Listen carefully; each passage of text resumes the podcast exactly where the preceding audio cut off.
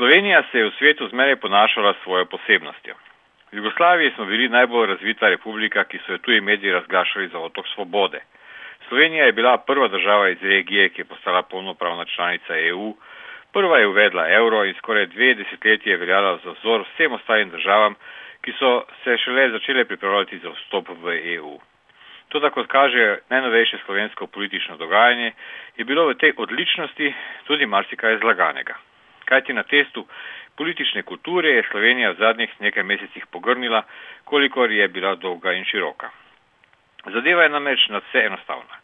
Posod v državah, ki bi jim Slovenija želela biti podobna, se namreč v primeru hudih obtožb na račun politiko ponavlja enak vzorec.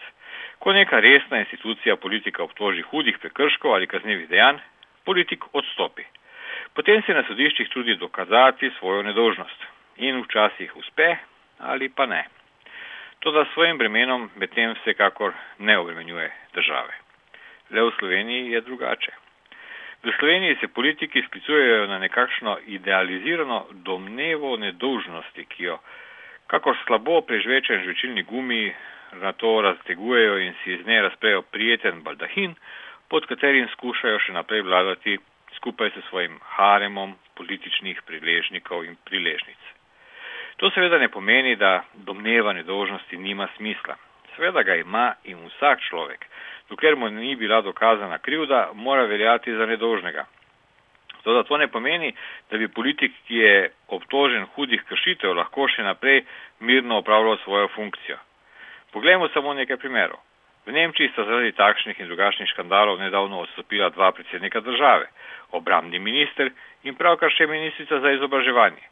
V Italiji je samo teden dni zatem, ko je izgubil večinsko podporo v parlamentu, odstopil italijanski premier Silvio Berlusconi in za njim še Monti. V Izraelu je decembra lani takoj zatem, ko je bil obtožen zlorabe pooblastil, odstopil zunani minister in namestnik premijerja Avigdor Lieberman. Ob odstopu je dejal, da si bo na sodišču oprav svoje ime. Enake primere najdemo po vsem svetu, od Češke do Avstralije. Posod imamo torej opravka z enako politično kulturo, enakimi pravili igre. Le v Sloveniji je popolnoma drugače. V Sloveniji ta pravila, če bi uporabili nekoliko pozabljen, vendar zelo primeren marksistični besednjak, veljajo samo za pripadnike pauperiziranega delavskega razreda. Povedano preprosto. Če ste, na primer, delavec, ki vas je delodajalec vzel na muho, potem boste celo področili sedanje za delavce menda preveč ugodne zakonodaje, v najboljšem primeru v mesecu dni na ulici. Če boste na ulici iz krivdnih razlogov, se bo vaš delodajalec lahko skliceval in sodišče mu bo dalo celo za prav, da mu do vaše odpovedi sploh ni bilo potrebno zbrati vseh dokazov proti vam in da je dovolj, če te dokaze zbere enkrat kasneje, tudi več let zatem, ko vam je bila podana odpoved. Ker ste odpuščeni iz krivdnih razlogov, vam seveda ne pripada niti cent socialne pomoči, pa čeprav imate za seboj nekaj desetletij trdega dela in plačevanja prispevkov v socialno blagajno. Že pred nekaj leti je bila namreč zakonodaja spremenjena.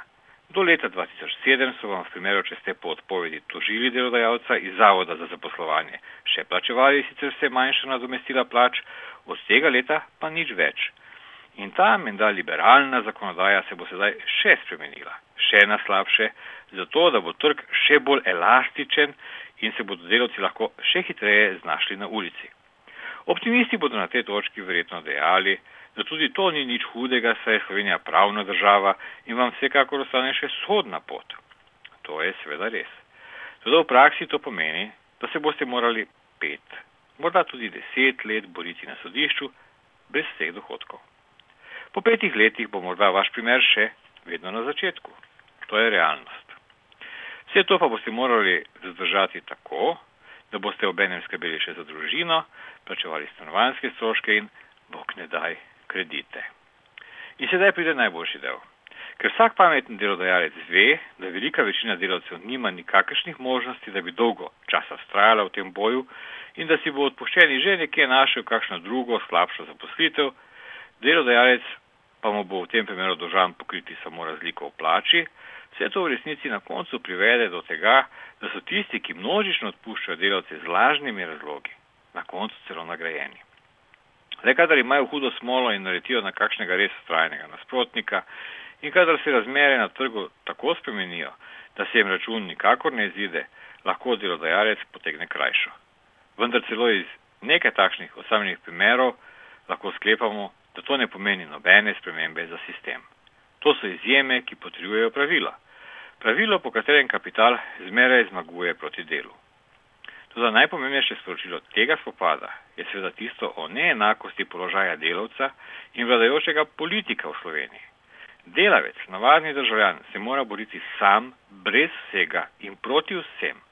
Politik pa se proti nekaj osamljenim obtožbam bori z vsem in z položaja, ki mu omogoča vse. Toda še enkrat, tako je samo v Sloveniji, ne pa v tistem delu sveta, ki velja za omikanega in bi mu Slovenija želela biti podobna.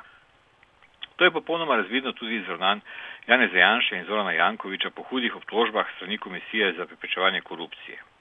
Trditve, da je bilo poročilo preračunano na drugo stajo, da ima je komisija kršila pravice in strajanje na položajih so v popolnem nasprotju z vsem, kar velja za normalno v zahodnih demokracijah.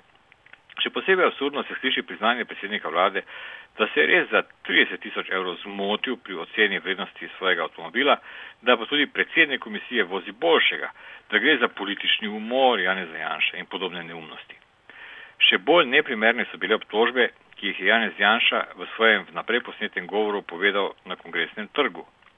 Govor, ki sem ga spremljal iz množice, se kakor noč razlikoval od tistih, ki sem jih od Janša slišal pred več kot 20 leti, ko smo demonstrirali za njega in je bil naš junak za roške.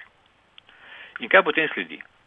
To je v načelih politike povedal že Benjamin Konstant, ki je upozoril, da lahko minister povzroči veliko zla, ne da bi prekršil eno samo črko pozitivnega zakona in zato, če ne pripravite ustavna sredstva za to, da se zlo zatre in krivec kaznuje ali da se ga odstavi in neodgovorni ministri bodo večkrat odstavljeni kot kaznovani, se bodo sredstva za to iznuje iskala izven zakona. Kaj ti kot opozori Konstant, v resničnem svetu obstaja sila, ki se ji ni mogoče izogniti z nikakršno spretnostjo. In zato imajo tisti, ki demonstrirajo zoper sedanje stanje v politiki, prav. Janez Janša, nekoč naš junak, je postal princ teme, Darth Vader našega časa. In demokratična sila, ki je nekoč branila Janeza Janša na roški, danes deluje proti njemu.